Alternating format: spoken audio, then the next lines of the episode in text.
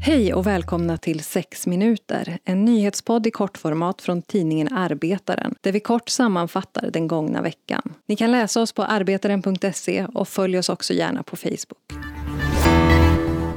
Den varslade byggstrejken är avblåst efter att Byggnads och byggföretagen har accepterat medlarnas slutbud. Avtalet innehåller bland annat en utökad tillträdesrätt för regionala skyddsombud, ett förbättrat huvudentreprenöransvar och fler verktyg för att komma åt lönedumpning.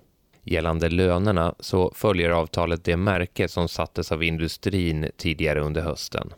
Avtalet sträcker sig på 29 månader där det sista avtalsåret är uppsägningsbart och ger en löneökning på 5,4 procent fram till den 30 april 2023. Torbjörn Hagelin, som är avtalssekreterare på Byggnads, menar att de nu visat för hela Sverige att byggbranschen behöver mer ordning och reda, säkrare arbetsmiljö och ökad jämställdhet.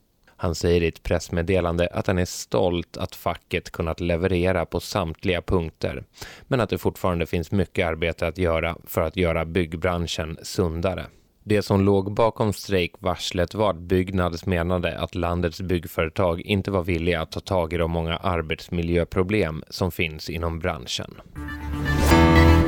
I veckan avslöjade den uppmärksammade medieplattformen Vice News hur näthandelsjätten Amazon anlitat det ökända säkerhetsföretaget Pinkerton för att övervaka fackligt anslutna lagerarbetare runt om i Europa.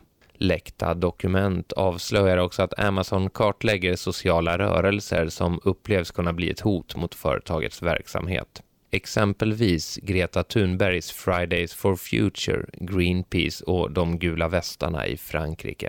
Det är dock inte första gången som Amazon hamnar i blåsväder med anledning av övervakning och spionage.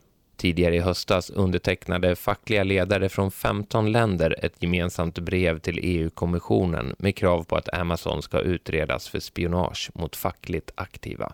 Läs mer om det här och om historien bakom det ökända säkerhetsföretaget Pinkerton och deras antifackliga verksamhet genom tiderna på arbetaren.se.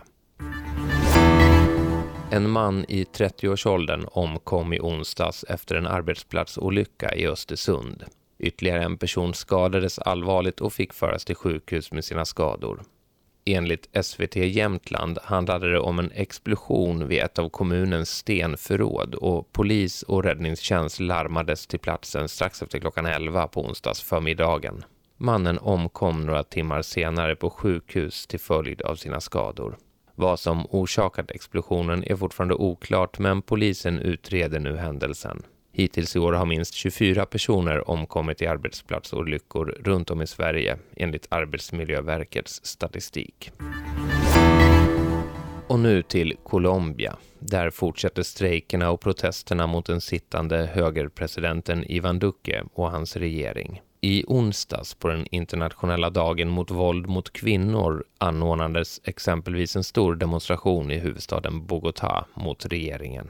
Samtidigt uppmanar flera av landets oberoende fackföreningar sina medlemmar att gå ut på gatorna och protestera mot de ekonomiska klyftorna och våldet som ökat så kraftigt under Dukes snart tre år vid makten.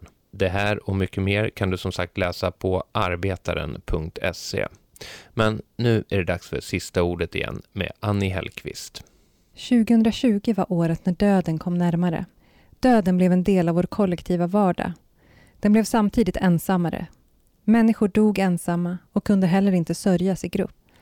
Att hålla begravningar i en pandemi, att samlas med sina nära och kära, blev svårt. Uttrycket ”vi sitter alla i samma båt” har återkommit under året. Man menar att ingen är skyddad. Vi är alla beroende av varandra. Men vi sitter inte i en båt. Vi sitter i ett klassamhälle, uttryckte statsvetaren Per-Anders Svärd i podden Apans anatomi i ett avsnitt om pandemier i våras. Och det börjar stå allt tydligare att inte bara döden, utan också sorgen är ojämlikt fördelad. För varje person som har avlidit i covid-19 går omkring sex personer som har förlorat en nära familjemedlem. Alltså en partner, förälder, barn, syskon, far eller morföräldrar. I en studie för Delegationen mot segregation visar sociologen Maria Brandén att under våren syntes tydliga sociodemografiska skillnader i Stockholm när det kom till risken att förlora en nära släkting i covid-19. Individer med invandrarbakgrund, låg inkomst eller kort utbildning har drabbats extra hårt. Den här typen av förluster kan leda till en andra våg av folkhälsokonsekvenser i en redan utsatt grupp. Det kan påverka psykisk hälsa, utbildning, möjligheten att arbeta. Plötsliga dödsfall kan innebära ekonomiska smällar för redan utsatta hushåll.